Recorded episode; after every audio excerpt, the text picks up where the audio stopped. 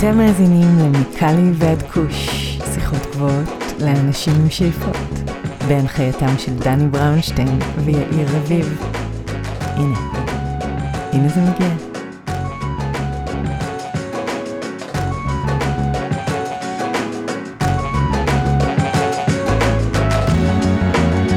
אהלן אהלן, מה קורה ארי? ערב טוב, מה נשמע? הכל שפיר כאן בגזרתי, איך אתה? גם הכל טוב, תודה. יפה, אז יש לנו אורח מאוד מעניין השבוע בשם ניר יופטרו, ואם אתם איכשהו קשורים לתעשיית הקנאביס, אני בטוח ששמעתם את השם שלו יותר מפעם אחת, בהקשרים שונים. אולי שמעתם את הכינוי שלו, המלאך, ניר המלאך יופטרו, והכינוי הזה הודבק לו בין היתר בגלל שהוא עזר להסתבר אלפי מטופלים, כן, אלפי מטופלים, רובם אונקולוגים, עזר להם בהכנת שמנים, שמני קנאביס. כרגיל, נצלול אל הפרק ונדבר אחרי, מה אתה אומר? יאללה, בוא ניתן uh, למלאך את הבמה. זהו ניר יופטרו. ניר יופטרו, בוקר טוב, ערב טוב, מה שלומך? ערב טוב, מה נשמע? תודה על ההזמנה ותודה על האירוח. בשמחה רבה, תודה שהגעת אלינו היום. לפני שמתחילים, תן לנו אוריינטציה גיאוגרפית, איפה אנחנו מוצאים אותך היום? אני גר ברעננה, ישראל, עכשיו בבית, יפה. עכשיו הילד ושתי כלבות. יפה, אחלה מקום רעננה. אני נמצא בלוס אנג'לס, קליפורניה, ושותפי להנחיה ארי סינגר, אני לא יודע, הוא נע ונד לאחרונה, איפה אתה נמצא היום ארי? יותר, את האמת היום אני בבית במטולה, הייתי כבר בשבי. ציון. אז הפרק במסילות ובבקעת הירדן אה, הסתיים לו. כן, זה היה אה, ההורים של אה, בת זוג שלי מ- ממסילות במקור, אז אה, הייתי שם אה, בסוף שבוע, אז הקלטנו את הפרק שם. יפה. אז ניר, לפני שאנחנו צוללים ממש אל הרעיון, ספר לנו קצת על עצמך והסיבות שגרמו לך בעצם להיכנס ולעסוק בתחום הקנאביס. אה, אז אני בן 40, ובגיל 15 וחצי התוודעתי פעם ראשונה לקנאביס. אה, גדלתי במזכרת בת ים, מושבה קטנה, אה, די משעמם, אין הרבה מה לעשות, אין הרבה איך לצאת משם בתור נערים. אה, והתאהבתי, מה בעצם הפעם הראשונה שחבר הציע לי להפיל ראש. בגיל 22 הגעתי לאמסטרדם, הבנתי שאני לא מבין כלום בקנאביס, למרות שחשבתי שאני חכם גדול. אה, נחשפתי באמת לכל המגוון הרחב של הסוגים של הצמח, איכויות אחרות לגמרי ממה שהיו בישראל, והתחלתי לחקור את הנושא קצת אה, יותר לעומק ולהתחיל לגדל לבד בבית. וככה בעצם... איזה שנה אנחנו מדברים אגב? חושב, התחלתי לעשן ב-97? 6, 7? אם נ- ניתן תמונה של שוק הקנאביס בישראל בשנת 97, לא היו יותר מדי אופציות והאופציות שהיו היו די אה, נחותות. קופסת גפרורים ב-50 שקלים, מקבלים שם איזה שניים שלושה פרחים אה, מלאים בזרעים ושאריות של עלים. אחרי זה נכון, כבר נכון. היה קצת אה, יותר אה, מה שנקרא שיפודים, אז היה, מקבלים ענפים שלמים של הצמח. וחשיש כמובן. חשיש הגיע אחר כך, היה חשיש כל הזמן, אבל היה נורא יקר בתקופה ההיא, ואז אה, ככה, כשהתגייסתי בסביבות 2001, אז באמת נגמר מה שנקרא הגראס הבדואי בישראל, ואז היה רק חשיש. היה ניתן להשיג רק חשיש בתקופה ההיא. טוב, לפני שאנחנו צוללים פנימה, מה אתה עושה היום? Uh, היום אני בעצם פתחתי מרכז הדרכה שנקרא קן היל בבנימינה, מרכז הדרכה וליווי למטופלים. Uh, שותף שלי דוקטור עידן הרפז הוא דוקטור לאימונולוגיה. Uh, נפגשנו כשעבדנו יחד בחברת פלנטיז מרמת הגולן, ראיינתם את אדריאנה פה בפודקאסט. נכון. היינו אמורים לבנות שם מערך של אה, מו"פ, של מחקר אה, אמיתי בקנאביס. התקדמנו עם זה, אפילו קיבלנו אישור להלסינקי בהדסה, אה, בשיתוף פעולה עם דוקטור יקיר רוטנברג. אה, לאחר אה, שדברים לא הסתדרו, אז אה, בעצם עזבנו את החברה ופתחנו את המרכז הדרכה. מה, מה רציתם לחקור מעניין? את השימוש של RSO ב... בחולים אונקולוגיים, בעצם השימוש של מינונים גבוהים יותר נכון, לא, לאו דווקא RSO, ריכוזים גבוהים של, של אה, קנבינואידים. ו- ואיפה זה נתקע מבחינת אה, פלנטיס או מבחינת אה, זה נתקע משרד מבחינת הבריאות? פלנטיז. וואלה. אוקיי, אז בוא שנייה נדבר על, על מיצויים, אפשר גם להזכיר את, את ה-RSO בהקשר הזה. אז זהו, שהיום אני קצת פחות מתעסק עם המיצויים עצמם, את האמת. אה, כל הסיפור שבגללו בעצם די נחשפתי בתקשורת וכל מה שקרה זה בגלל שבעצם עזרתי לחולים אונקולוגיים להכין RSO, שזה מיצוי די פשוט שדי קל להכין בבית. הגעתי לזה בגלל שאימא שלי הייתה חולת סרטן, ניסיתי לשכנע אותה להשתמש בקנאביס, אני בתור בן אדם שבאמת התעסק והתעניין בתחום מגיל נורא צעיר, אני כבר ב-2005 שמעתי במגזין איי-טיימס על ריק סימפסון ועל היכולות של ה-RSO. לאט לאט עם השנים זה היו עוד עדויות שנאספו בכל מיני מקומות בעולם. וכשאימא שלי חלתה היה לי די ברור שזה חלק מהתהליך של הריפוי וההחלמה. אה, לא ממש הצלחתי לשכנע אותה, והתחלתי לעזור לאנשים אחרים, תוך כדי שנחשפתי לקהילת המטופלים בישראל. אז אני שנייה רוצה להמשיך את הנקודה של המיצויים, כי אני מרגיש שזה נושא מאוד רחב ועמוק, שלא הרבה מטופלים מודעים אליו בישראל, ואנחנו ניגע בו בכל מיני נקודות וממשקים. ראשית, למה דווקא מיצויים? למה בחרת דווקא בעולם הזה שנכנסת לעולם הקנאביס? ואיפה רכשת את הידע שלך בתחום המיצוי? אז זהו, שלא ממש אה, בחרתי את זה, בגלל שרציתי לעזור לאימא שלי שהייתה חולת סרטן, וניסיתי לשכנע אותה להשתמש ב-RSO, אז נחשפתי פשוט לקהילות של מטופלים שהשתמשו בזה. חיפשתי מישהו שישכנע אותה. עכשיו, זה היה בדיוק בתפר שמדינת ישראל הפסיקה לחלק את השמן הזה, כי פעם היא חילקה אותו. והיו הרבה אנשים שחיפשו איך להכין את זה. אני פשוט ידעתי להכין את זה מאיך ב-2010, אני חושב הכנתי פעם ראשונה, כי היה לי הרבה שאריות של טרים שגידלתי, ואמרתי ננסה. אז פשוט עזרתי למטופלים אחרים, וזה פשוט התגלגל למאות מטופלים בסוף. ומה גרם לך לנסות? זאת אומרת, אתה מדבר על 2010, זאת אומרת, המידע על RSO היה זמין בזמן? חמש שנים לפי מה שניר אמר, לא? כן, הסיפור של ריק סימפסון התפרסם ב-2005, הוא התפרסם אז במגזין אייטמס ב-2007 אם אני לא טועה. אה, ואז בעצם פעם ראשונה נחשפתי לעולם הטינקטורות, מה שנקרא. אה, חברים התחילו לחזור מכל העולם, לנו, וראו את הדברים האלה. לי היה שאריות בכמויות של כל מיני שאריות שגידלתי. אז אמרתי ננסה, גם ככה אין מה לעשות עם זה, חבל לזרוק לפח, ננסה. אחרי זה כבר ב-2014 אני חושב, או 13, התחלנו עם ה-close loop ומיצויים של בוטן וכל מיני כאלו שאז אה, די היו בחיתולים כל השיטות האלו.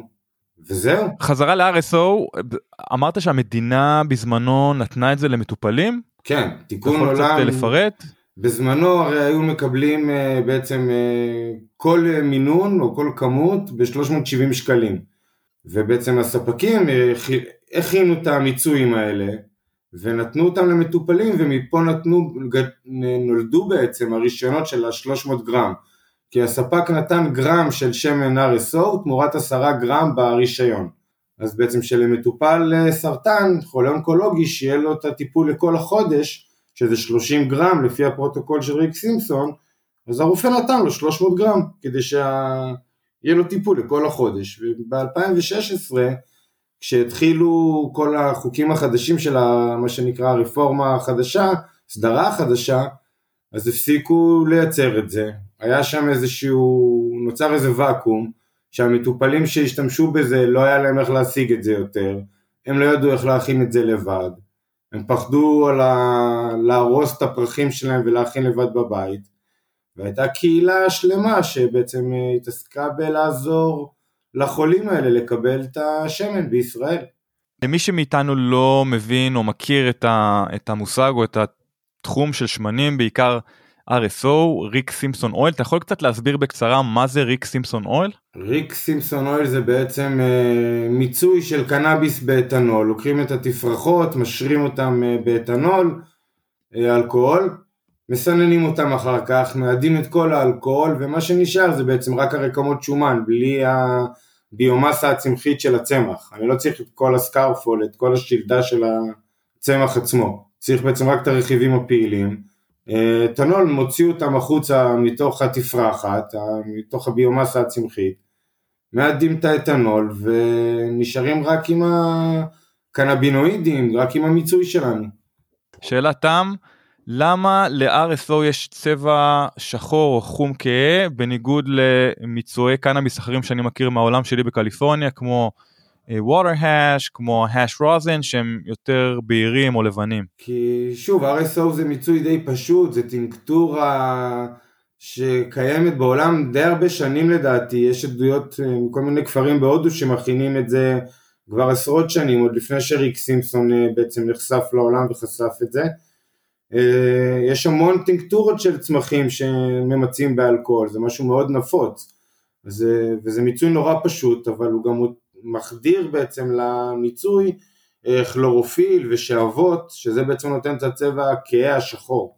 הכלורופיל, הצבע הירוק בצמח, כשהוא מרוכז הוא, והוא שרוף, אז הוא נראה שחור. הבנתי. ארי? כן, עניין אותי עניין הטרפנים בריק סימפסון הם מחממים את זה לטמפרטורות. כמעט ולא, כמעט ולא קיימים, כי גם האידוי, זה מה שחשבתי. אם, אם אני מתייחס לריק סימפסון, זה גם, זה, זה שם מאוד גדול היום, זה גם נורא תלוי בשיטת ההכנה. אה, אם אני עובד במערכת סגורה, אז מן הסתם אה, אני אשמור יותר טרפנים מאשר הסיר אורז.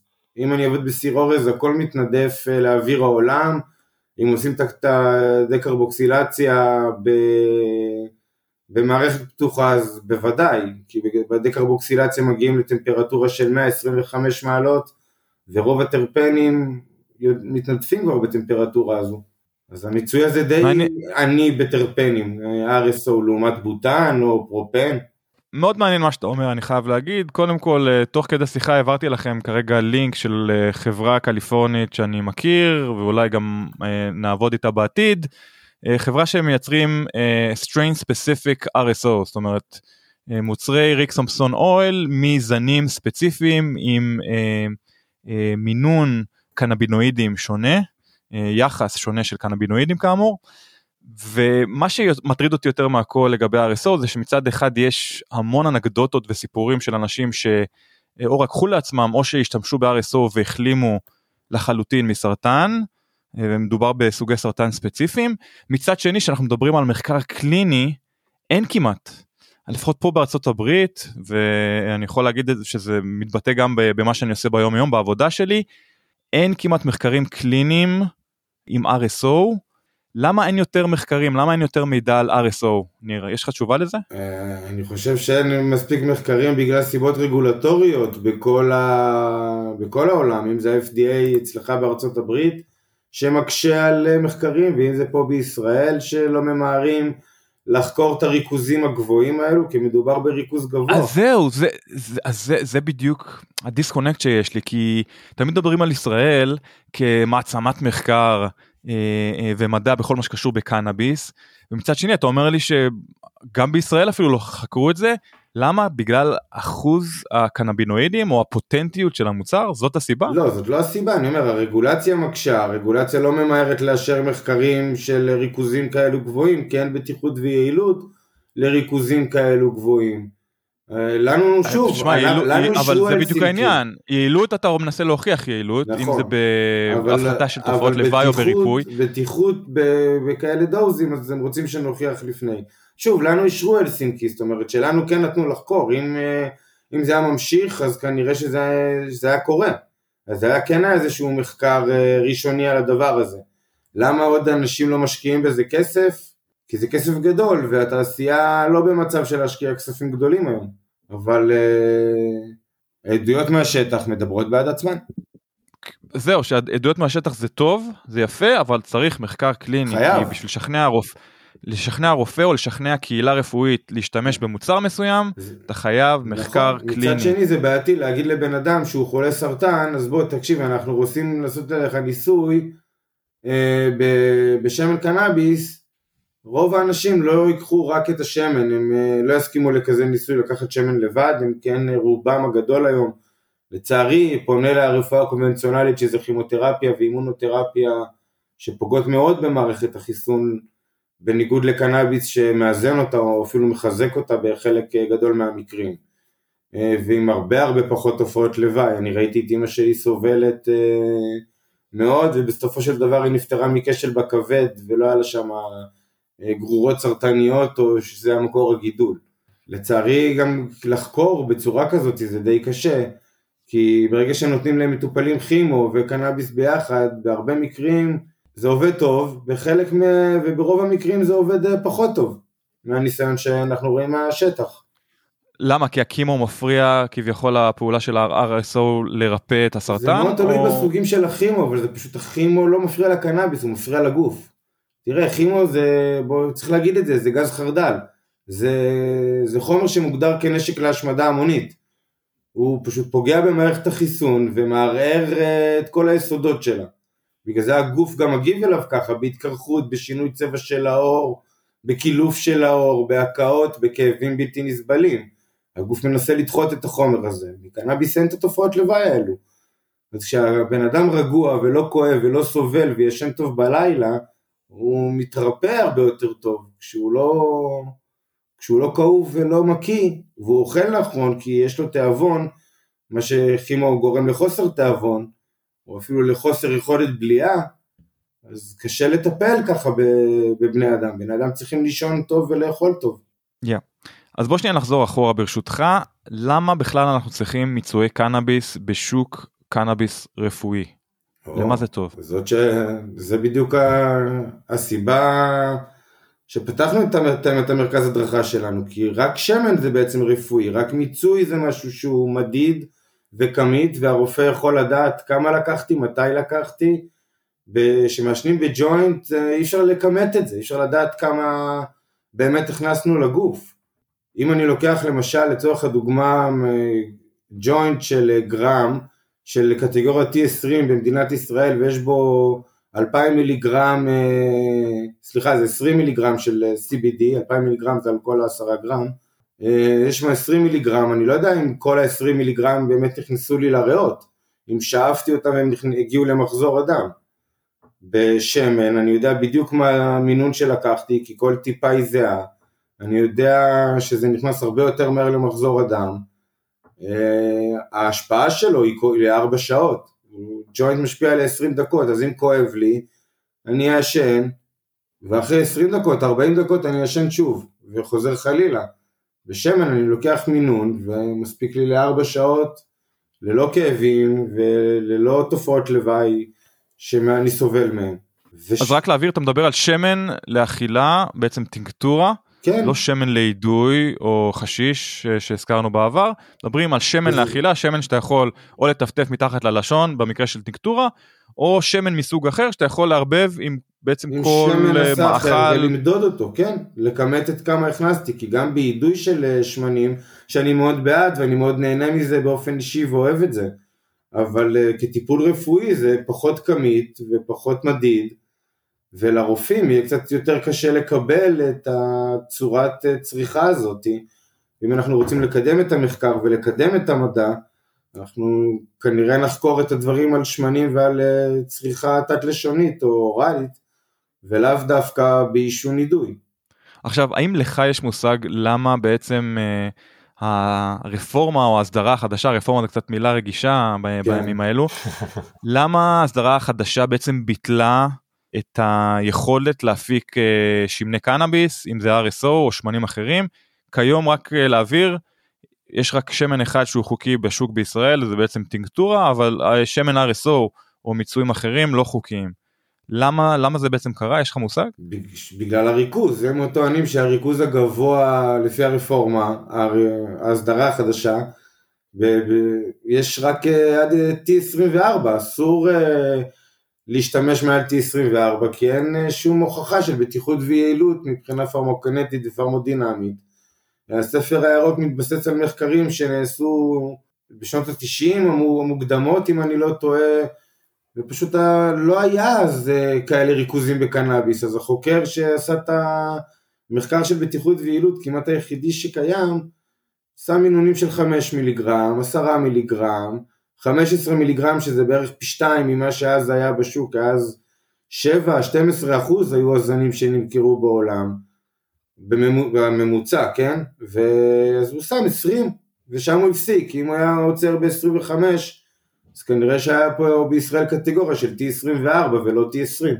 ואף אחד... אבל תסביר לי משהו, כי, כי אם, אם יטופל בכל זאת אה, מחליט לצרוך יותר מיליגרמים ממה שהוא צריך, או הרבה יותר לצורך העניין, הוא עדיין יכול לעשות את זה, הוא פשוט צריך לצרוך יותר שמן, כי השמן, כמו שאמרת, הוא פחות מרוכז. נכון. זאת אומרת, יש פחות מיליגרמים פר אה, מיליליטר. נכון, אבל אם אתה אז, מקבל אז רישיון... אם, זה, זה בעצם כמו, אם נקביל את זה לעולם האלכוהול, זה כאילו יאסרו שימוש אה, בוויסקי ובמשקאות אלכוהול פוטנטיים שיש להם 40% ומעלה אלכוהול, אה, בטענה שהם משקרים מדי והם לא בטוחים, אבל מצד שני, אה, כל צרכן או כל שתיין יכול לשתות גם 10 או 20 כוסות בירה ולהשתכר. אז מה עשינו בזה? אם, זאת אומרת, אז זאת הייתה המטרה של, אה, של הרגולטור? זהו, שהרי זה קצת מוזר, כי הרגולטור קבע את החוקים לא על בסיס אה, מה שהניסיון שהיה פה מ-2006 בשוק. הרי היה, היה פה רישיונות גבוהים מאז ומתמיד, מטופל התחיל במינון נמוך של 20 גרם, ובאמת התחיל עם כמה טיפות, וברגע שאתה, כמו שאתה אומר, אני לוקח במקום טיפה שלוש פעמים ביום, אני מגיע למינון של 8 טיפות או 12 טיפות שלוש פעמים ביום, אז הגדילו את הרישיונות. היום בהסדרה החדשה, רישיון בעצם קשה מאוד להגדיל אותו עם התקנות החדשות, ואז אה, אם אתה תשתה את כל הבקבוק, אז אמנם זה יעזור לך ליום יומיים, אבל אה, ייגמר לך ולא יהיה לך עד סוף החודש. אז זה מין ביצה ותרנגולת למטופל, הוא צריך להחליט אם יכאב לו מאוד, או שהוא לא יישן, או שיספיק לו, שיכאב לו פחות, ו... אבל יהיה לו לכל החודש. אני חושב שאחת הסיבות באמת הוא שבהסדרה הישנה היו הרבה מאוד uh, מטופלים עם uh, 20 גרם לדוגמה, או רישיון מאוד מאוד uh, נמוך, 10, 20, 30 גרם לדוגמה, שבעצם היו מממנים כביכול את המטופלים עם ה-200 ו-300 גרם. וזה הגיע לאיזשהו מצב שמבחינת העסק של, של המגדלים זה לא היה להם משתלם כלכלית. נכון? אז uh, לדעתי וזה- הסיבה שזה הופסק זה פשוט זה נטו עניין כמו רוב הדברים כן אה, בשוק נכון, הזה זה נטו עניין לא כלכלי. לחצו לשמור על הרצף הטיפולי, כי זה לא היה כלכלי להם, והרגולטור לא רצה את זה, ולא היה מי שילחץ, למטופלים אז בזמנו לא היה מספיק אה, כוח ציבורי כדי לעשות את השינוי הזה, הם היו מעטים. גם כל הדבר הזה שנקרא רצף טיפולי ב... מאז ההסדרה החדשה זה משהו ש... זה מושג שנעלם כמעט לא קיים כי- היום, כן, כי הזנים משתנים אה, כל שבועיים שלוש בבית המרקחת, ולא לא חוזרים יותר. כן, וזה ה hype strain של החודש. אה, זה- כן, ממש נהיה כמו בארצות ניר, הברית. האם, האם יש בכלל חסרונות בשימוש בשמני קנאביס, אם זה לאידוי או אכילה? בטח שבמשתמשים חדשים, כי ריכוזים גבוהים ומרוכזים כאלו בדרך כלל לא אה, מטיבים עם משתמש חדש שלא מכיר ולא מספיק מנוסה. עדיף להתחיל אה, אולי עם מיצויים מדוללים מה שנקרא, עם שמני הנשא ולא מרוכזים מאוד אה, בהתחלה. תופעות לוואי, השפעה חזקה יותר, לא, אם היו חוקרים יותר את התופעות לוואי של אה, אידוי של שמנים, אז אולי היינו יודעים יותר, אבל אה. אז לא יודעים מספיק. נכון, אה, רוב אנחנו- התופעות לוואי הם אה, שוב, הם בגלל העוצמה והחוזק, או חוסר ניסיון והדרכה. עכשיו, איך אפשר לדעת מה האיכות של השמן? בכל זאת, כשמדובר בפרחים, אתה יכול להריח את הפרחים, אתה יכול לראות אותם, להעריך פחות או יותר אם מדובר במוצר איכותי או לא. עם שמן זה קצת יותר אה, בעייתי, לא? יותר מאתגר. ברור, כי אנחנו לא יכולים לראות בעיניים אה, את מה שקורה בתוך השמן. בפרח יש לנו אינדיקציה אם הוא נראה טוב, אם הוא מריח טוב. שמן אפשר לדעת אם הוא מריח טוב, אבל זה לא מספיק. צריך למצוא יצרנים אמינים, זאת אומרת, אה, בישראל אין שוק חופשי, אז הכל מפוקח, ואנחנו די יודעים מה קורה בתוך השמנים, כי אנחנו כן מקבלים בדיקות מעבדה. אה, מיצויים בישראל הם לא ברמה הכי גבוהה, הם אה, נעשים בצורה מאוד מסחרית, הם כמעט ולא מכילים טרפנים, אה, גם אם מכינים מזן שהוא so called לפי הקטלוג סטיבה, מעורר, אז הוא, בשמן הוא לא מופיע באותה צורה, קצת יותר מרדים, יותר כבד, בגלל שהטרפנים נעלמים בזמן ההכנה והמיצוי עני. יש גם שילובים של פרחים שעושים בשמנים? כן, יש סדרה שלמה של תיקון עולם של בלנדים, של אה, מוצר תפרחת CBD עם תפרחת אה, THC, אחד ליום, אחד ללילה, וגם זן מאוזן שבעצם כאילו, שמן מאוזן, שמוכן גם כן משילוב של שני זנים שונים. חברת בזלת מכניסה כל מיני ערבובים לשמנים שלה, משתנה כל פעם מהצבעה להצבעה אצלם. אבל מעבר לפוטנטיות, שהסכמנו שהשמנים בישראל לא פוטנטיים, האם הם איכותיים, האם הם נקיים? כן, תלוי, הם, אה, תלוי לדעתך... איכותיים קשה לי ל... לעומת מה? הם נקיים, כן, עם מתכות כבדות אולי, אה, המיצוי הוא באמת בלי כלורופילים אצל רוב היצרנים, בלי שעבות, אה, מתחילים okay. אוקיי. מריכוז גבוה ומיצויים אה, די נקיים רובם. אה, לא מה שאנחנו רואים בשוק אצלכם בקליפורניה בביקורים שם. אין פה את עולם החשיש או את ה... אין יצרן בישראל שמשתמש בבוטן או בפרופן yeah. כדי להפיק מיצויים. אז האיכות יש, בעצם... יש, אבל לא כמובן, לא בשוק החוקי. כן, כמובן. כן, לא בשוק החוקי אני מדבר. ואם שנייה נפזול לשוק הלא חוקי, אה, השוק המסורתי אם תרצה. אה, האם מה מה אה, אה, כמה זה... נפוצים המוצרים האלו הכל, אם זה אז... טינקטורות יותר פוטנטיות או אם זה שמנים כמו live resin אז... חשיש וכולי. אז live resin קצת פחות נפוץ פה בגלל ההכנה הדי מסובכת שלו של לקטוף להקפיא ואז לעשות ואנשים לא מבריחים את זה מקליפורניה כן, או ממדינות אחרות? אז בדיוק זה מוברח אבל אתה יודע כשזה מגיע בדואר בתנאים לא כל כך תנאים במיוחד live resin שצריך להישמר בקור אז הוא קצת נפגם. אבל יש יש פה שוק מאוד מאוד מאוד רחב של כל סוגי המיצויים בשוק החופשי.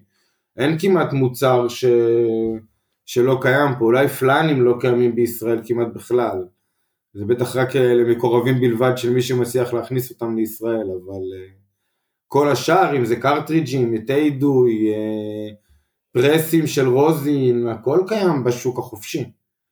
אני לא חושב שיש מוצר היום שלא ניתן להשיג בישראל, diamond, זה הכל. מעניין גם מה האיכות וכמובן המחירים אני בטוח בשמיים. מחירים בשמיים והאיכות משתנה לפי המוצר עצמו, אם מישהו הביא מוצר מאוד איכותי מקליפורניה או מקנדה אז זה איכות בהתאם. בדרך כלל הם מביאים פה את המוצרים הפחות איכותיים, שוב, שנמכרים אה, לכל דכפין, אה, כי הסיכון של להפסיד הוא גבוה בזמן ששולחים את זה לישראל. ואם כבר מגיעים מוצרים מאוד יקרים ומאוד איכותיים, אז זה נשמר להם מקורבים בדרך כלל. או למי שמוכן לשלם ממש הרבה, אבל קיים. אז אני רוצה שנייה לחזור לאותו, לתקופה שעזרת למטופלים, אה, מעניין אותי לדעת כמה פחות או יותר מטופלים הספקת לעזור לפני שהמשטרה פוצצה את כל העניין. למעלה מ-3,800. וואו. וואו. אני... זה לפי הרישומים שהיו לי.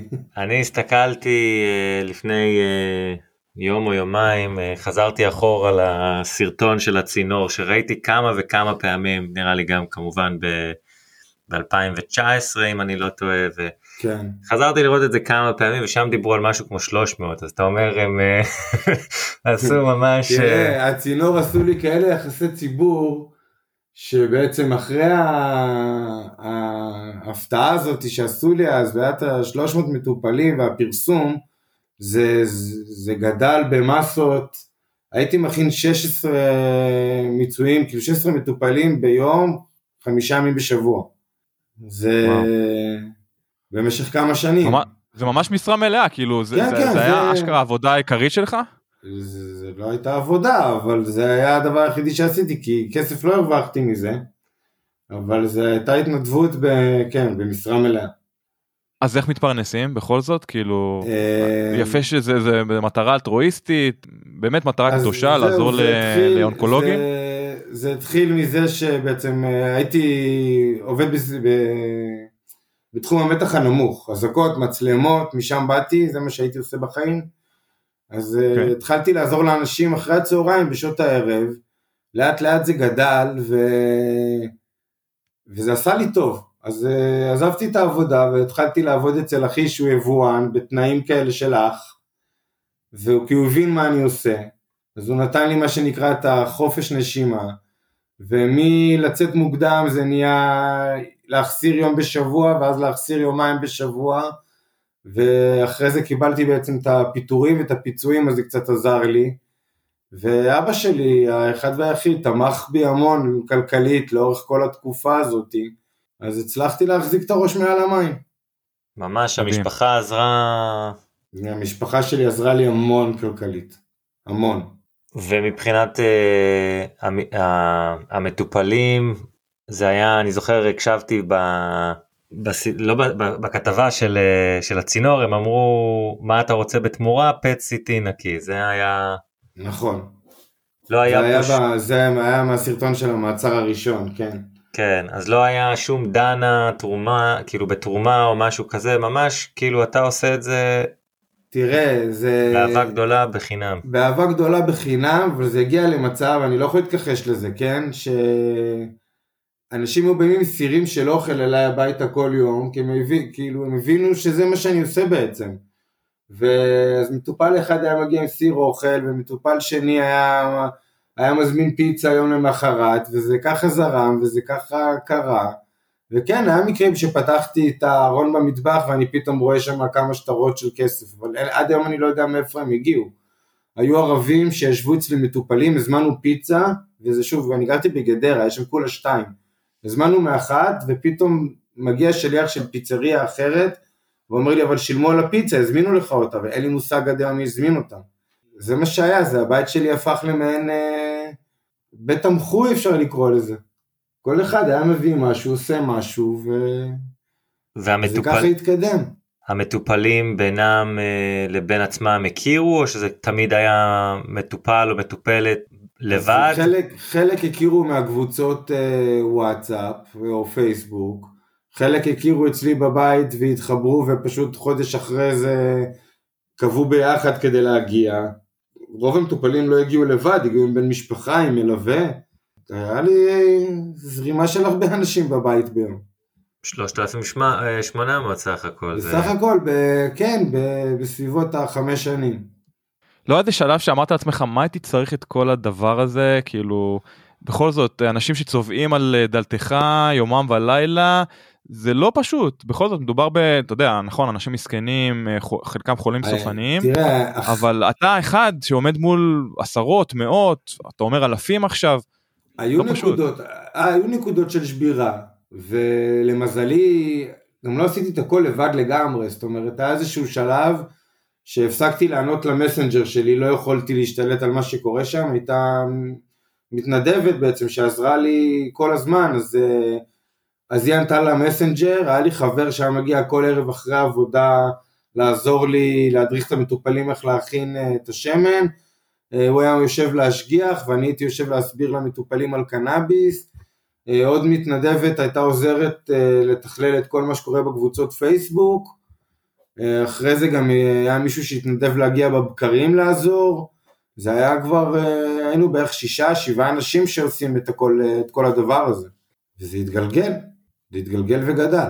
ומכל הסיפורים שצברת עם השנים, ספר לנו סיפור אחד, סיפור הצלחה אחד שנחת לך עמוק עמוק בזיכרון. תראה, יש, יש כמה, כי קשה להוציא אותם מהזיכרון שאתה לפני חמש שנים קראת את הדיאגנוזה הרפואית שלהם שאומרת שהם תוך חודשיים לא איתנו והם עדיין איתנו. אבל אחד הגדולים זה מטופל שהגיע עם סרטן הרמונית, אה, באמת עם אה, גידול אה, די גדול, היה אמור לעשות הקרנות, היה אפילו עשה ניתוח של איזה מין פרוצדורה שאמורה להגן על, ה... על שקי הזרע ורק אחרי זה מקרינים, עשה את הפרוצדורה הרפואית הזאת, בא להקרין, אחרי חודשיים כבר של טיפול בקנאביס ואין גידול. הבן אדם לא קיבל שום טיפול וואו. רפואי, לא... לא כימו, לא כלום, ואין גידול, ובן אדם בן אדם מבוגר, בן 60 פלוס, שהפסיק לעבוד, היום הוא, הוא עובד, והוא חי ללא סרטן, והוא לא קיבל טיפולים קונבנציונליים, והוא עד היום עם שמן, והוא איתנו, ואני חוגג איתו מימונה כל שנה, אז קשה לשכוח, יש, יש עוד הרבה כאלו פשוט.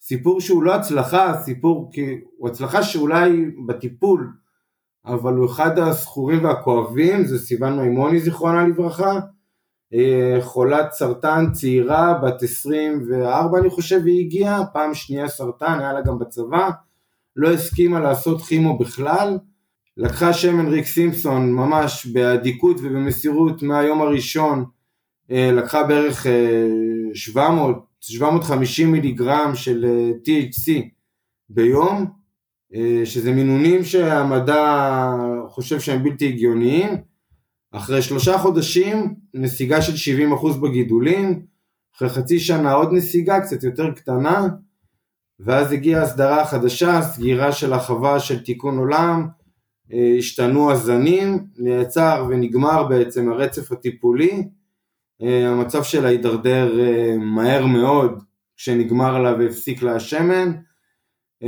לא, היא לא מצאה מזור מזנים אחרים, ולצערי היא נפטרה אחרי שנה של מאבק אה, מאוד קשה. אז זה לא סיפור הצלחה, אבל איתה אני הולך לישון כל לילה, כי היא באמת הפכה לחברה. יש, תשמע, המטופל הכי צעיר שלי היה בן אה, שלושה חודשים, הכי מבוגר בן 98. אה, אז אני זוכר את, את כל המטופלים. אגב סרטן הרמונית, מדובר באנקדוטות ולא במדע אמיתי בכל זאת האם יש איזה יכולת אמיתית של RSO לטפל ספציפית בסרטן הרמונית או אולי בסוגי סרטן אחרים אבל ספציפיים כי אנחנו יודעים שזה לא יעיל לכל סוגי הסרטן או לכל השלבים נכון? אנחנו לא יודעים לאיזה סוג זה לא יעיל אנחנו יודעים שיש זנים שפחות יעילים או יותר עם שאלה מה ניסו ומה חקרו במחקרים האלה הרבה פעמים זה היה לאו דווקא זנים של קנאביס, אלא כל מיני קנבינואידים מבודדים. תראה, שאלה גם למה קוראים אנקדוטה, ברגע שמגיע הנה בן אדם, כמו שציינתי, עם סרטן הרמונית, ובאמת הסרטן נעלם מהר. אוקיי, זה אחד, okay. כן. נכון, זה אחד. אבל אחרי זה ראינו אותו, וראינו מה עשינו איתו, והשלכנו את זה על כל שאר המטופלים, ופתאום האחד הזה הפך ל-18 כאלו, שהם עם אותה... עם, עם סרטן הרמונית ספציפית? סרטן, או כן, גם סוג... כן, עם סרטן הרמונית ספציפית, עם אותו שכבת גיל, כולם זכריים, כולם עם אותם, אה, בא, כאילו ממש, באותן אינדיקציות רפואיות, בגלל זה אישרו לנו אלסינקי, כי בסופו של דבר אתה הופכים אנקדוטה ל-18, עכשיו אתה הופך את זה בסרטן הרמונית עם גברים, ואז אתה מגיע לסרטן שד הורמונלי אצל נשים ופתאום יש לך 22 מקרים שהם אותו דבר בדיוק, לוקחות את אותם זנים בדיוק, באותם מינונים בדיוק, אה, ההבחנה של הגידול היא אותה הבחנה בביופסיה והגידולים האלה בביופסיה נעלמים. סרטן שחלות, אתה נותן זן אחד, אתה רואה שזה לא עובד, אתה נותן זן אחר, אתה רואה שזה, לא, שזה כן עובד. משליך את זה על עוד שמונה נשים, עוד שמונה נשים, פתאום משנות את, את הכיוון של הטיפול לטובה. אז אנקדוטה הופכת לכמה, וכמה... זה לא, לא ברור לי, תשמע, זה מדהים מה שאתה מספר, ושוב, זה לא הסיפורים הראשונים שאני שומע על RSO, מצד שני... בגלל זה הקדשתי את החיים שלי, כי זה עבד.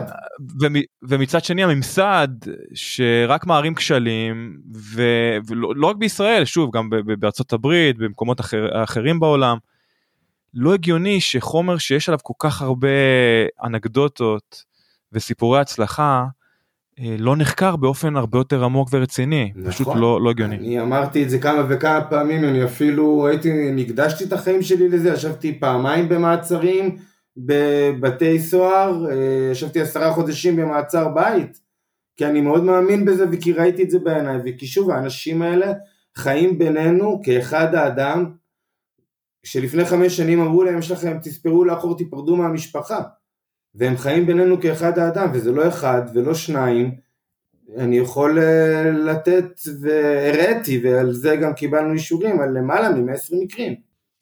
זה, זה מטריף לחשוב שיש לך פה באמת משהו שיכול לעזור לחולים. בריאות ומצד שני יש לך משרד בריאות שמערים על דבר כזה קשיים מטורפים והורס את הדבר הזה גם. זה ניגוד מוחלט למה שמשרד בריאות אמור לעשות. יש מה שנקרא evidence based medicine, זה פשוט העדויות בשטח, מה שקורה, העובדות, הן בעצם מוכיחות שהדבר הזה עובד. נכון, אנחנו לא יודעים איך, אנחנו לא יודעים מה הפעולה הפרמוקנטית של כל הקנבינואידים ומה הפרמודינמית שלהם, אנחנו לא יודעים איך הכל מתקשר. מצד שני, הרופאים לא לומדים בכל השבע שנות אה, לימודי רפואה שלהם דקה אחת על המערכת האנדוקנבינואידית, למרות שהיא נחקרה. Yeah. מ-64 אנחנו יודעים שפרופסור משולם זיכרונו לברכה מדבר על זה. וכל הרצפטורים שהתגלו מאז, כי הרי אין כבר רק את ה-CB1 ו-CB2, יש לנו עוד רשימה ארוכה של רצפטורים, לא נלמדים ברפואה, ואם היה נלמד אז כנראה מי שהיה עושה על זה תזות או דוקטורטים ועבודות מחקר, וזה היה מתפתח. אתה זוכר ספציפית את הזנים שבאמת uh, השפיעו ומה התרכובות הספציפיות מבחינת קנבינואידים וטרפנים שהיו בהם? טרפנים ואני לא יודע כי אף פעם לא ידענו לא, את זה בזמן. זה לא, לא, לא נמדד אז. אבל... גם קנבינואידים אני לא יודע, אני יודע זנים. כן. שהיו אז ועזרו. בהסדרה החדשה אני כבר, אני פתאום שם לב שזנים שבבדיקות האנליטיות שלהם יש קצת יותר CBG, משפיעים יותר טוב על סוגים מסוימים של מחלות. שוב, זה, זה פעם אחרי פעם אחרי פעם. זאת אומרת שנכון, זה נורא אינדיבידואלי, אז למישהו יגיד לי, הזן הזה לא עושה לי טוב, לא כיף לי איתו, הוא מכביד עליי, אבל כן, היציאות שלי הן יותר סדירות. וכשאתה רואה את זה על כמה חולי קרון, שהיציאות נעשות סדירות למרות שהמסביב הוא לא. הוא לא זהה ביניהם. חלק נהנים מזה, חלק לא נהנים מזה, חלק אותו הזן מעורר וחלק אותו הזן מרדים. אבל לכולם, בלי יוצא מן הכלל, יש אה, יציאות סדורות יותר. וכשהם משתמשים בזן עם CBG, כשהם משתמשים בזנים שאין בהם בכלל CBG, אז זה לא קורה והם חוזרים לרימיסיה, לרגרסיה בטיפול, והם שוב חוזרים ליציאות לא סדורות, ואז חוזרים לזן שיש בו CBG, ושוב הכל בסדר, אבל בישראל אסור לדבר על CBG. Yeah, אה, מטורף לגמרי. אני רוצה שנייה ברשותך לחזור אה, לנושא שדיברנו עליו ממש אה, מעט בהתחלה. מה זה בעצם מרכז קאנהיל? מה, מה החזון ומטרת העל שלכם? אז החזון ומטרת העל שלנו זה באמת לעשות הדרכה נכונה ושימוש נכון בצמח, לטייב את הטיפול. אנחנו עבדנו מאוד קשה בכמה שנים האחרונות באמת לתכלל את כל הנתונים, שגם אני אספתי וגם עוד שני חברים מאוד יקרים, אלעד מזון ואודי ישראלי, שגם אה, טיפלו במאות מטופלים בעזרת אה, שמנים מרוכזים, ובעצם בנינו פרוטוקולי טיפול שהם אה, די התאמנו אותם אישית לכל מחלה. ספציפית, לא אישית לכל מחלה, ואנחנו בעצם נפגוש את המטופל, אנחנו נדריך אותו מה זה קנאביס בכללי, נלמד קצת על ההיסטוריה, שאנשים קצת יכירו את הצמח, אחרי זה בפגישה אישית אנחנו בעצם נתאים את הטיפול הספציפי והאינדיבידואלי למטופל עצמו, לפי הפרוטוקולים שבנינו של שימוש בשמן ארבע פעמים ביום כדי באמת לשמור על, על כמות גבוהה של קנבינואידים בדם של מעל 20 מיליגרם, שזה יהיה לאורך כל שעות היום, שילוב של CBD כמובן אה, חשוב מאוד בכל התהליך, אה, ובאמת ללוות ולהדריך את המטופל לאורך שלושה חודשים של אה, טיפול והדרכה, עד שבעצם ה... הוא יגיע הוא... לכל תהליך הטטרציה, כל הפרוטוקול טיפול שאנחנו בונים בנוי לפי טטרציה, להתחיל ממינון מאוד נמוך ולהגיע למינון מאוד גבוה, ובכל הזמן של הטטרציה אנחנו מלווים בעצם את המטופלים יד ביד, אה, אם זה בוואטסאפ, אם זה בטלפון, כל, אה, כל שעות היום. ופה אתם מלמדים יפה, אותם, ומה... אתם מלמדים אותם לייצר את השמנים שאתה... לא, אנחנו משתמשים בש... בשמנים שיש בתעשייה, לפי מה שיש למטופלים ברישיון כמובן, לפי ההמלצה שהרופא נתן לו, בגלל שבעצם בתעשייה היום אין... אה, אין מישהו שמדריך מה להשתמש, מתי להשתמש, חוץ מאינדיקה ליום, סטיבה ללילה.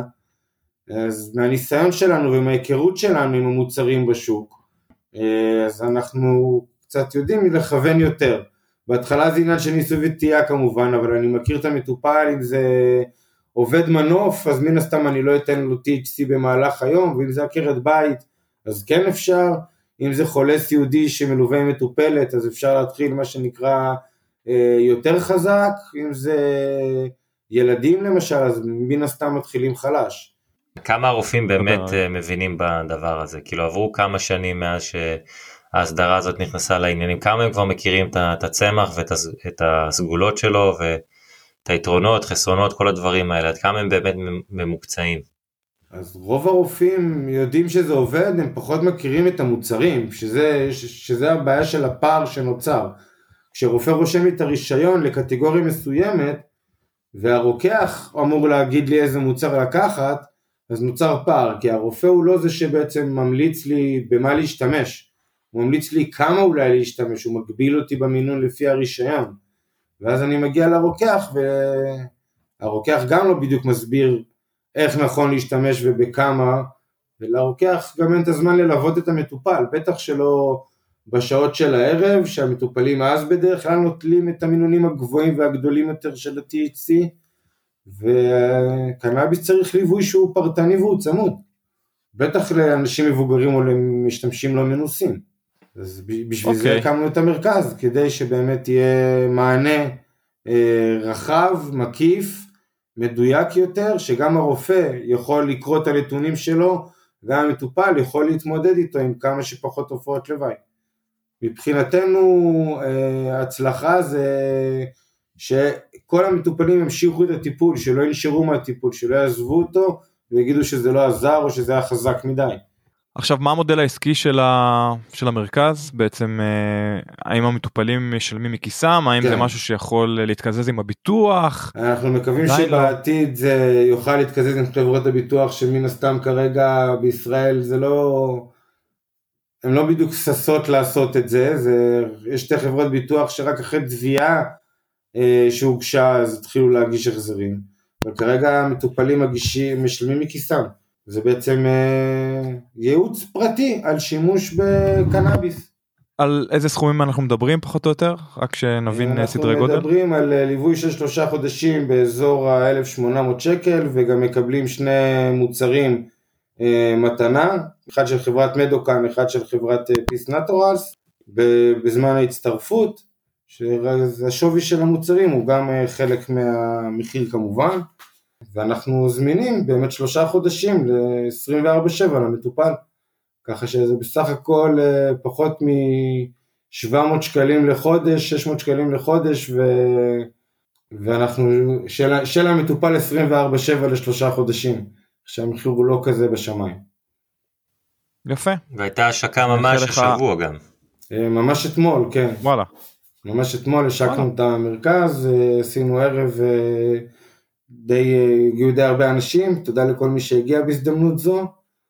ו... מזל טוב אגב. תודה, ומתחילים אה, מה שנקרא לנסות, ובאמת אה, מקווים שהשוק הרפואי יהיה רפואי יותר, וששוק הפנאי יהיה יותר פנאי, ושיהיה פחות ערבוב ביניהם ופחות בלבול. כן, זה בעיה אחרת לגמרי, ואנחנו יודעים שבישראל אין שוק פנאי מוסדר יש כן. uh, כאילו יש uh, קולות של שוק פנאי אבל uh, על הנייר זה עדיין שוק רפואי. ו... לצערנו לשמחתנו אני לא יודע את השאלה את מי שואלים. כן זו שאלה באיזה יום גם שואלים. חשוב לציין כן. אבל דן שבקליפורניה אין כבר שוק רפואי באמת. אה, נכון זאת אומרת בוא בוא כאילו הקווים מאוד מאוד מטשטשים ברגע שאתה אין קווים כן. אין קווים אין קווים אה, אין היום אה, חנויות שהן רק רפואיות או חנויות שהן רק פנאי. באורגון עדיין יש נראה לי. אני לא... יכול להיות אני, ואני בטוח שגם בקליפורניה יש כמה בודדות. בכל מקרה המוצרים רובם ככולם זהים אוקיי אין היום כמעט מוצרים שהם אה, מופנים ל, למטופלים רפואיים או לחולים ספציפית. כמובן שיש הרבה דברים שזה שטח אפור שזה כזה וולנס כן שזה אתה יכול גם לכלול אותם בתוך הרפואיים. כל מיני מוצרים שמטפלים בבעיות שינה וחרדה ודברים מה, מהסוג הזה. ממש רפואי שוב יש אולי אני יכול לספור את המותגים שמייצרים מוצרים רפואיים ספציפית על יד אחת, כאן בקליפורניה. וזה השוק הגדול ש... בעולם גם. שאלה גם אם אפשר באמת להגיע כן. בקליפורניה לאיזשהו קליים אה, רפואי על ידי אה, מחקר או איזה משהו, למשל פה חברת אה, כן, זה בזלת. בדיוק, זה... כן. זה בדיוק מה שאנחנו עושים עכשיו, זאת אומרת, אני עובד בחברת מחקר, אנחנו כרגע מבצעים מחקר קליני מלא עם אוניברסיטת UCI פה בקליפורניה, מחקר על כאב, כאב כרוני, ואנחנו משתמשים במוצר ספציפי של חברה ספציפית שמממנת את המחקר הזה בדיוק. מן הסתם. אז בעצם הם עושים את זה הם מנסים להיות המוצר evidence based בעצם הראשון הזמין אה, בצפון אמריקה שרופאים יוכלו להמליץ עליו ללא חשש זאת בעצם המטרה מטרת העל. אה, האם רוב חברות הקנאביס אה, שואפות להגיע למסלול דומה התשובה היא לא. נכון לא אנחנו רואים פה למשל בישראל שרק תיקון עולם אז בזמנו השקיע באמת כספים בדברים כאלו ועם הצלחות. וגם עכשיו חברת בזלת מוציאה כל מיני מאמרים על אה, כמה שמן טוב לילדים אוטיסטים או וכאלה וגם אה, מוצרים בהתאם עם קליים של אה, שהמוצר מתאים להפרעה, להפרעת הקשב האוטיסטי. אז זה, זה בעייתי מאוד, הקליימים האלה בעייתיים מאוד, כמובן שיש דברים כזה על, על השטח האפור. הרגולטור בישראל מאשר את זה. כן, שזה מפתיע אני חייב להגיד, כי הרגולטור אבל... בישראל הוא ידוע כי הוא מחמיר, נכון, אבל הנה, בהרבה מאוד בחינות, אבל מצד שני כביכול הוא נותן במה לקליימים מהסוג הזה. שתי מוצרים לדימנציה ומוצר לאוטיזם. נמכרים ככה. ושוב, יכול להיות שהמוצרים האלה באמת טובים, יכול להיות שהם באמת עוזרים לאותם אה, מטופלי, אה, מטופלים אוטיסטים. או, עוזרים. אה, אנחנו פשוט לא יודעים אם זה עוזר לכולם ובאיזה רמה זה עוזר וכולי וכולי לא יש פה הרבה מאוד שאלות שצריכות לשאול. כי גם הספקטרום האוטיסטים הוא, הוא רחב וגדול גם כמו שאומרים סרטן סרטן ודאי. זה שלל של מחלות זה לא מחלה אחת. ודאי ודאי. טוב תשמע באמת נושאים מעניינים הייתי יכול לדבר על זה שעות אבל אנחנו כן רוצים אה, לעבור לשאלות האישיות ברשותך. אז מאיזה גיל אתה צורך אנחנו יודעים. איך אתה צורך את הקנאביס היום ומהם הזנים האהובים עליך? אני בדרך כלל ביום יום שלי אני צורך גם שמן והרבה עישון בג'וינטים, נקי בלי טבע כמובן, וקצת פפקו באידוי, אכילים פעם בשבוע לפחות, אבל העיקר, הצורת צריכה העיקרית שלי היא שמנים וג'וינטים. אה, זן מועדף, אה, ארומה או איזה פרופיל טרפני שאתה מאוד מעריך? אה, אני אוהב דווקא את כל ה, מה שנקרא תמיד אקזוטים, את כל המוזרים, היה פה איזה מוצר בישראל שנעלם שהיה לו ריח של גויאבה, שאני okay. אוקיי. ממש yeah. אוהב. פפאיה? כן, כל האקזוטים טרופיים, קצת מתוקים חמוצים, אה, ו Super, ו Super Lemon Haze, אחד הזנים שאני ממש אוהב. היי, hey, hey, אל תגנוב לי את הזן. הוא עושה קאמבק אני מקווה, ההייזים אה, יעשו קאמבק. אה, נקווה. אני בכלל אוהב הרבה זנים old school, את Blueberry, Jack Herer. כיף גדול ה blueberry. וגם ג'ק הרר, זה טרפנים ייחודיים מאוד, וזה הזן האהוב על דן. במקרה במקרר יש לי חשיש של 710 שנקרא blueberry haze, אז זה משלב את האהבה שלכם ל blueberry ול haze. ממש. אוקיי אז אתה אומר בלי טבק ג'וינטים יש איזה נייר ספציפי אה, נייר גלגול אני משם בדרך כלל בפייפאי. הוא יותר טעים לי גם בפעם בבדיקת LOD שעשיתי הוא השאיר הרבה פחות פיח מהמתחרים. אוקיי. אז uh, מעדיף אותו. ואני בדרך כלל גם מגלגל בקרול זאת אומרת אני מוריד את השארית של הנייר. בשיטה ההולנדית. מה שנקרא. Yeah. יפה, אז אלו שחקנים, אם זה חברות, אנשים, משפיענים וכולי, אילו שחקנים אתה מעריך בשוק הישראלי? אה, בשוק הישראלי, את חברת רייכום שהרימה פה טרף לאחרונה בנראות, באיכות ובטריות. את חברת מדוקן ממש על זה שהם מחזיקים כבר למעלה משנתיים רצף טיפולי של מוצרים, ללא הדברות, ללא ריסוסים, אתה תמיד תקנה מהם את המוצר, הוא יחזור על עצמו ואתה תדע תמיד שזה זה, ו... אתה יודע בדיוק למה לצפות בלי איזה שינויים דרסטיים בין העונות שנה כמו שמגדלים אחרים עושים. ללא הדברות, ללא ריסוסים, אבל עם הקרנות לצערנו? אה, לצערנו, כן. כן, מתסכל מאוד. אני הבנתי, אני לא זוכר באיזה רעיון זה הוזכר, הבנתי שיש היום חברות לא, לא רבות, מעטות כמובן, שמצליחות איכשהו אה, לשווק את המוצרים שלהם ללא הקרנה? מצליחות לעבור את הבדיקות? יש, יש חיה כזאת או שזה סתם שמוע? יצאו שני מוצרים כאלה עד היום, אחד של חברת בזלת, אחד... אה, אה, אני כבר לא זוכר מי הוציא אותו, איזה חברה, היה צבא ממש קטנה שלו שנגמרה באיזה יומיים. אני חושב או זה היה כל כך טעים שאנשים חטפו את זה. לא, להפך, זה הייתה פשוט אצווה קטנה, ואת האמת, אולי היא לא הייתה כזאת טעימה, זה היה זן של קנמדיק, לא היה לה כל כך טעם. אבל זהו, זה שני זנים היחידים, שני מוצרים היחידים בשוק שיצאו ללא הקרנה, סליחה, חברת מדוקן אה, מוציאה את השמנים שלה ללא הקרנות, בכלל. כל השמנים שלהם לא עוברים הקרנה.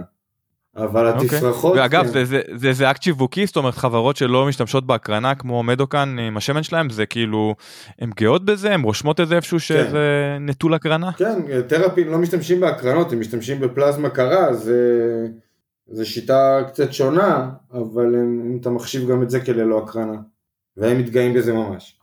יפה אז אילו קטגוריות חדשות מרגשות אותך במיוחד. אה, כל מה שקשור באמת למחקר הקליני, אה, אני חושב שבאמת עתיד הקנאביס הוא דווקא בעולם ה-IV, בהזרקות, זה אמור להיכנס למחזור הדם ממש מהר, לטפל ממש מהר, במינון מדויק, בלי שכן בלעתי הכל, לא בלעתי הכל, כמו שאנחנו רגילים היום.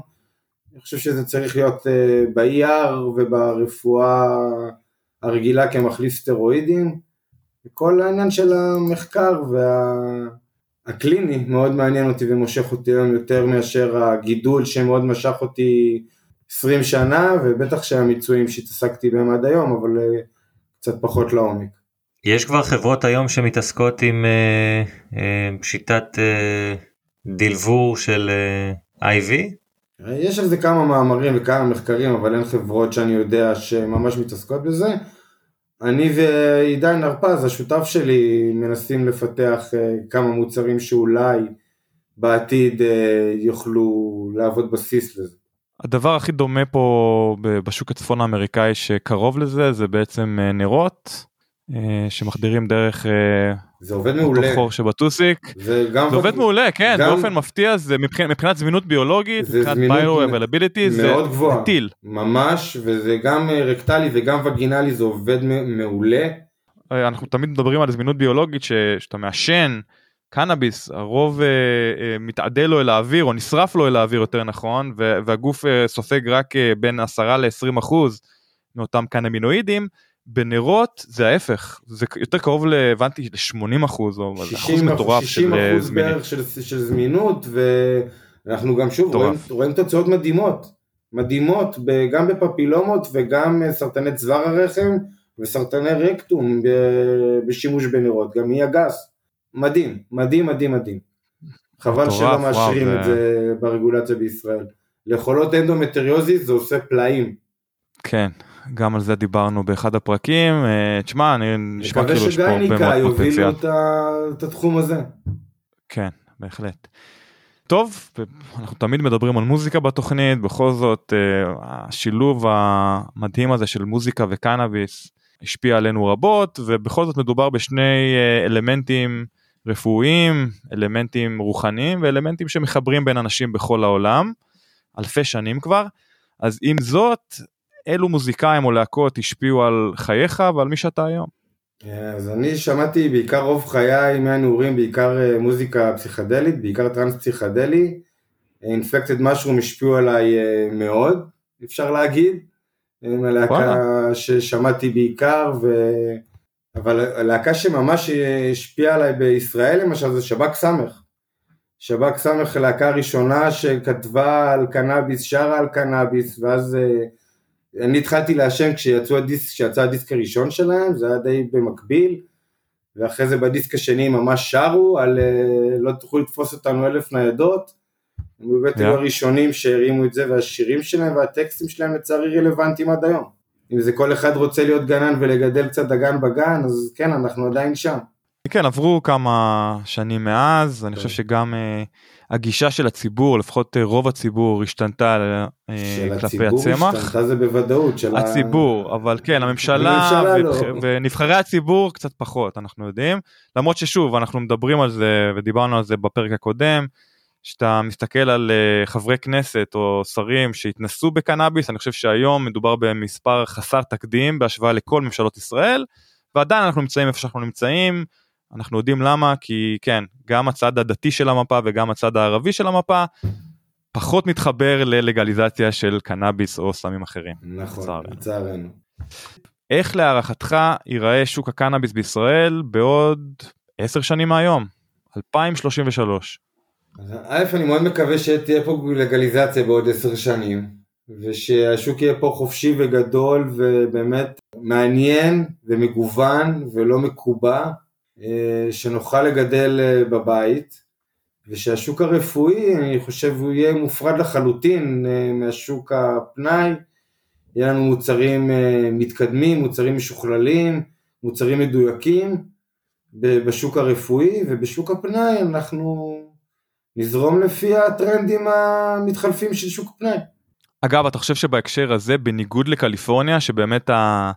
ההבדל הזה בין אה, שוק הפנאי לשוק, ה... לשוק, ה... לשוק הרפואי יטשטש, אתה חושב שדווקא בישראל כן תהיה הפרדה בין השוק הרפואי לשוק הפנאי? אני חושב שבסופו של דבר בעוד 10-15 שנה שיהיה לנו מוצרים מבוססי קנאביס שיודעים לרפא מחלות שהם נחקרו, שהם יהיו תרופות לכל דבר, אני באמת מאמין ש... בעוד עשר שנים הקנאביס יוכל להחליף את הסטרואידים, וגם היחס שלו יהיה שכזה, ויהיה לנו מוצרים מבוססי קנאביס בצורת כדורים, או בצורת הזרקות, או בצורת נרות, שנשתמש בהם לרפא מחלות אקוטיות, ויהיה לנו קנאביס לשימוש פנאי, להנאה, ו... ולכיף, או לרפואה הוליסטית, או רפואה מסורתית, שכל אחד יעשה כראות עיניו, אבל למחלות אקוטיות, אני באמת מאמין שיהיה לנו פה שוק שיכול להחליף את תחום הסטרואידים ואת משככי הכאבים כמובן. אמן וכמובן יש אה, גם מטרות אחרות לשימוש בקנאביס, כן, כן, מטרות טקסיות, ברור, דתיות, ברור. רוחניות. אמרתי שכל אה, אחד יעשה... אחד הצמחים הכי, מוג... הכי מוג... מגוונים בהיסטוריה מבחינת השימושים ברור, שלו. אז כל המטרות האלה יהיו באמת מבורכות ככל שיהיו, אם זה טקסיות דתיות, אם זה סתם לטובת הנאה ואם זה רפואה הוליסטית. כל אחד יעשה מה שהוא רוצה, אבל כשנצטרך רפואה אקוטית, אם חס וחלילה נעבור תאונת דרכים ונשבור רגל, אני אעדיף שייתנו לי בבית חולים קנאביס לשכך את הכאבים ולא מורפיום. יפה, אז uh, לפני שאנחנו מסיימים ניר, uh, איך המאזינים שלנו יכולים לעקוב אחריך, אחרי מרכז קאן היל, או כל דבר אחר רלוונטי שדיברת עליו בתוכנית? Uh, אז ככה, אז מרכז קאן היל, יש את האתר אינטרנט אה, גם בדף פייסבוק, אותו דבר קן היל, יש את הדף פייסבוק שלי, ניר יופטרו, שהוא משתדל אה, לעדכן שם כמה שיותר. אה, אני גם יושב ראש עמותת ליגלייז, ראיינתם את המנכ"ל שלנו, את תום רז, אז גם שם אפשר לעקוב אחריי, בדף של העמותה. זהו, זה בעיקר. אינסטגרם, טיק טוק, כל הרשתות החברתיות. אגב, חבל שלא דיברנו על אה, לגליזציה קצת יותר, אבל פעילי לגליזציה ועל... אה, לא יודע, אני מרגיש שיש שם הרבה מאוד נושאים שצריך לפתוח. נביא אותו שוב, אל תדאג. נש... נשמר, נשמור את זה לפרק הבא כנראה. בסדר. ניר יופטרו, באמת, תודה רבה שהגעת לתוכנית שלנו היום, היה באמת רעיון מעניין ומרתק. תודה, תודה ניר. ובהצלחה רבה רבה גם עם אה, קן היל וגם כמובן בחיים האישיים שלך. המון המון תודה. זה היה ניר, ניר יופטרו, מה אתה אומר? איזה סיפור. אה, קודם כל איזה... 3,800 אה, מטופלים, כן, בואנה זה כמות פסיכית, זה פסיכי לגמרי. זה, אתה יודע, כשראינו את הכתבות, את הכתבה שיצאה בצינור שם ודיברו על 300 איש ופתאום הוא בא לך עם אתה יודע, פי 12 יותר. זה מטורף מטורף לגמרי וה, והסיפורי הצלחה זה זה משהו לא ייאמן הבן אדם תשמע הבן אדם ראה כל כך הרבה סבל על אנשים ו, ועזר ונתן מזור לכל כך הרבה אנשים זה באמת uh, מלאך. אין, אין... ואיך משטרת ישראל הודתה לו? Uh, מעצר. למה לא? בוא נעצור אותו אם אפשר, לא? זה היה כבר... אה, זה מעצר שני שלו אם אני לא טועה. מעצר ועוד מעט אה, אולי כלא אם, אה, אם, אם זה יצא לפועל, כן? אבל... אה... שזה שוב מטורף, אידיוטי, חסר צדק, לא יודע, אתה יכול לקרוא לזה בכל מיני שמות, לא הגיוני שבן אדם שעוזר לכל כך הרבה אנשים, הציל את חייהם של כל כך הרבה אנשים חולים, ועזר לאנשים אחרים שלא שרדו. אדם כזה לא צריך לשבת לא דקה אחת בבית המעצר ולא רק זה בן אדם כזה צריך לקבל הכרה ותמיכה מקהילת הקנאביס הרפואי בישראל. לגמרי ככה. יש משפט באנגלית no good deed goes unpunished ובמקרה הזה זה ממש ממש המצב הבן אדם עשה עבודת קודש במשך אני מניח שנים כן ועזר לאלפים ו- וככה הוא מתוגמל והוא אמר לנו לא לא הרווחתי מזה שקל לא לא עשיתי את זה מתוך uh, כסף עשיתי את זה בהתנדבות מוחלטת. בגדול גם אתה זוכר uh, בסופו של דבר הוא מכניסים אותו לכלא לא על uh, לא על הכנת השמנים אלא על הגידול העצמי שהיה לו. וזה גם uh, די מצחיק יש אנשים היום מתי? כן יש אנשים היום אתה, אתה נכנס לקנאביס נקודה קום ואתה רואה. נתפס עם 400 אה, אה, שתילים, ירצה אה, חצי שנה עונש עבודות שירות או דברים כאלה, ופה זה לא המצב, חודשיים מעצר בפועל. הוא כבר, זה בדיוק העניין, אפרופו עבודות שירות, הוא כבר נתן את עבודות השירות שלו בריבית דריבית, מה שנקרא, הוא נתן הרבה יותר מסתם עבודות שירות. כן. לכן אני אומר, יש פה, חייבת להיות פה ראייה הוליסטית על כל הסיפור הזה.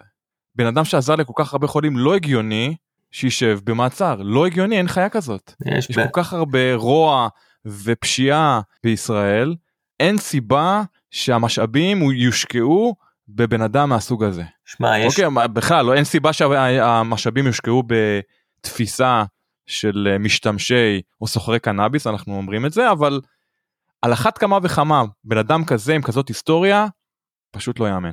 יש היום אה, רפורמה משפטית בישראל ואולי אחד הדברים שבאמת צריכים לעשות עליהם רפורמה זה הדבר הזה הטיפשות הזאת. לא רואה את זה קורה. עוד משהו שאני רוצה להתעכב עליו זה RSO.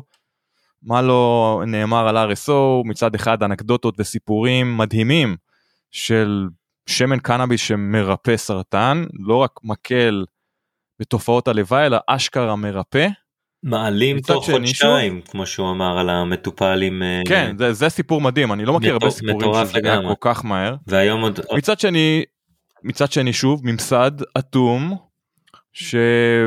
שעד 2000 עד ההסדרה החדשה איכשהו אישר שימוש ב-RSO היום גם זה אסור כן? אז היום השמנים היחידים שחולים יכולים למצוא כמו שהזכרנו בתוכנית זה טינקטורות יש להם אפקט שונה לחלוטין מ-RSO ולא אפקט מרפא כמו שהיינו רוצים אה, על, אה, על סוגי סרטן שונים. אז אני מאוד מקווה שגם הברית וגם בישראל יפשילו את השרוולים קודם כל אה, יאשרו שוב שימוש ב-RSO וב' שיקדישו קצת כמה מיליוני דולרים במחקר.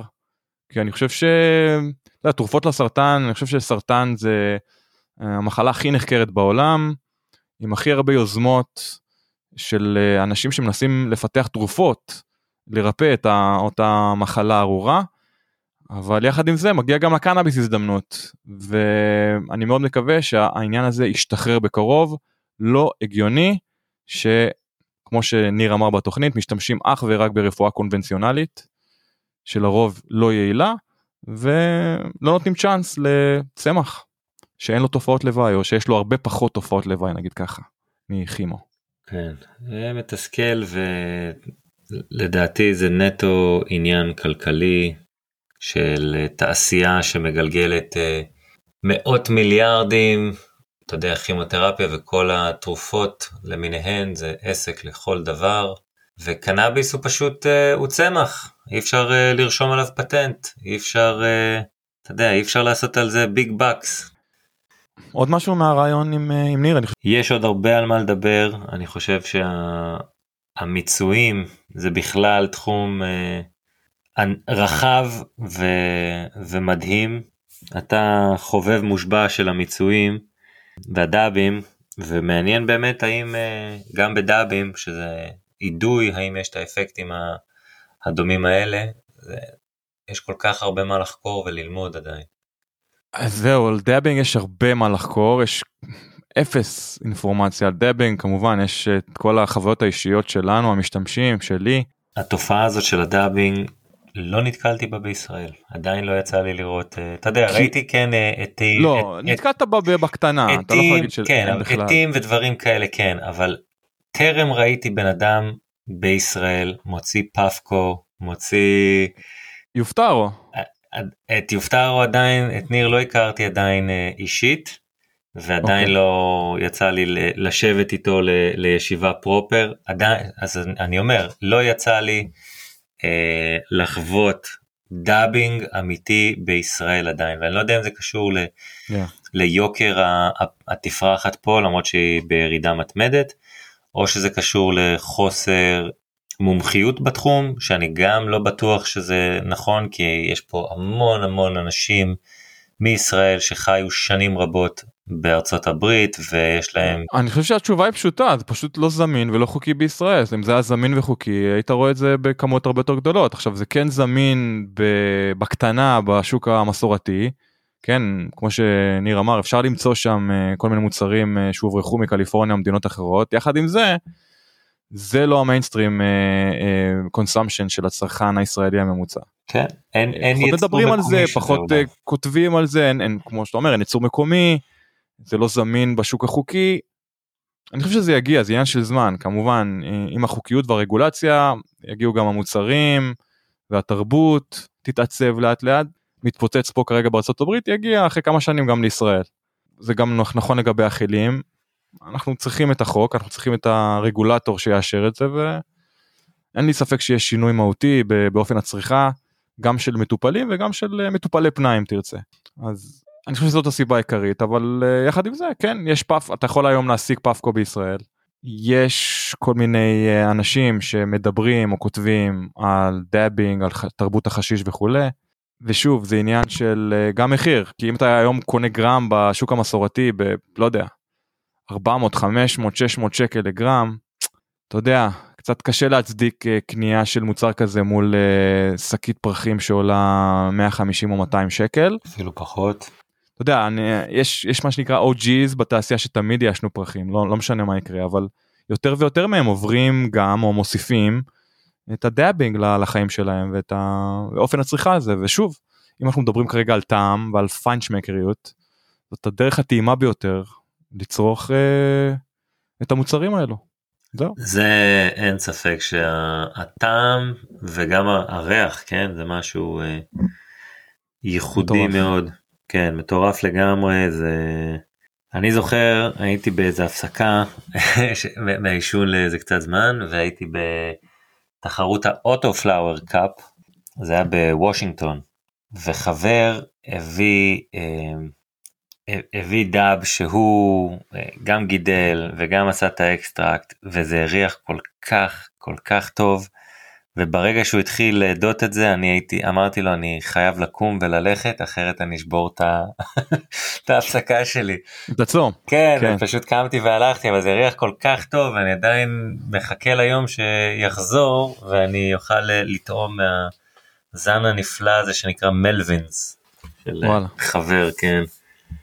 אז, אה, אז כן, יום יבוא. אז אני כן מקווה מאוד שיום יבוא בקרוב שגם בישראל המאזינים שלנו יוכלו להתנסות ב dabbing אגב שאני מנסה למצוא מילה אלטרנטיבית או פעולה אלטרנטיבית ל dabbing. אני חושב ששוב יש יותר מדי סטיגמה לפעולה הזאת אה, ואם לא אז אה, תבואו לפה לפה למקומות אחרים בצפון אמריקה אפילו בספרד יש תרבות dabbing ענפה. ותגיעו לחומוס וחשיש חומוס וחשיש אה, למי שזוכר או יודע החברה שלי אירחה כזה אירוע לפני קצת פחות משבועיים ואנחנו מתכננים כבר עוד אירוע כזה ביוני כנראה ביוני 10. אז אה, כאמור אם אתם בקליפורניה אתם מוזמנים לבוא לטעום קצת חומוס ובעיקר קצת חשיש. דרך אגב מי מייצר את החומוס? אה, חומוסיות שונות. אה, אחד אגב שלנו שאני עשיתי והבאנו עוד כמה שפים פרטיים והבאנו רשת שנקראת סומסום שהיא אחת הרשתות הטובות פה של חומוס או בכלל אוכל ים תיכוני. שילוב של שפים פרטיים שיש להם תשוקה לחומוס ומסעדות. ממש חומוסיות אין פה הרבה יש פה אולי אה, מסעדה אחת או שתיים שאני יכול לתאר אותם כחומוסיות שיש שם רק חומוס. אה, רוב המסעדות האלו זה שוב אוכל ים תיכוני שווארמה פלאפל וגם חומוס. כן בארצות הברית לא לא לא באים רק לנגב זה קונספט שלא קיים. כן.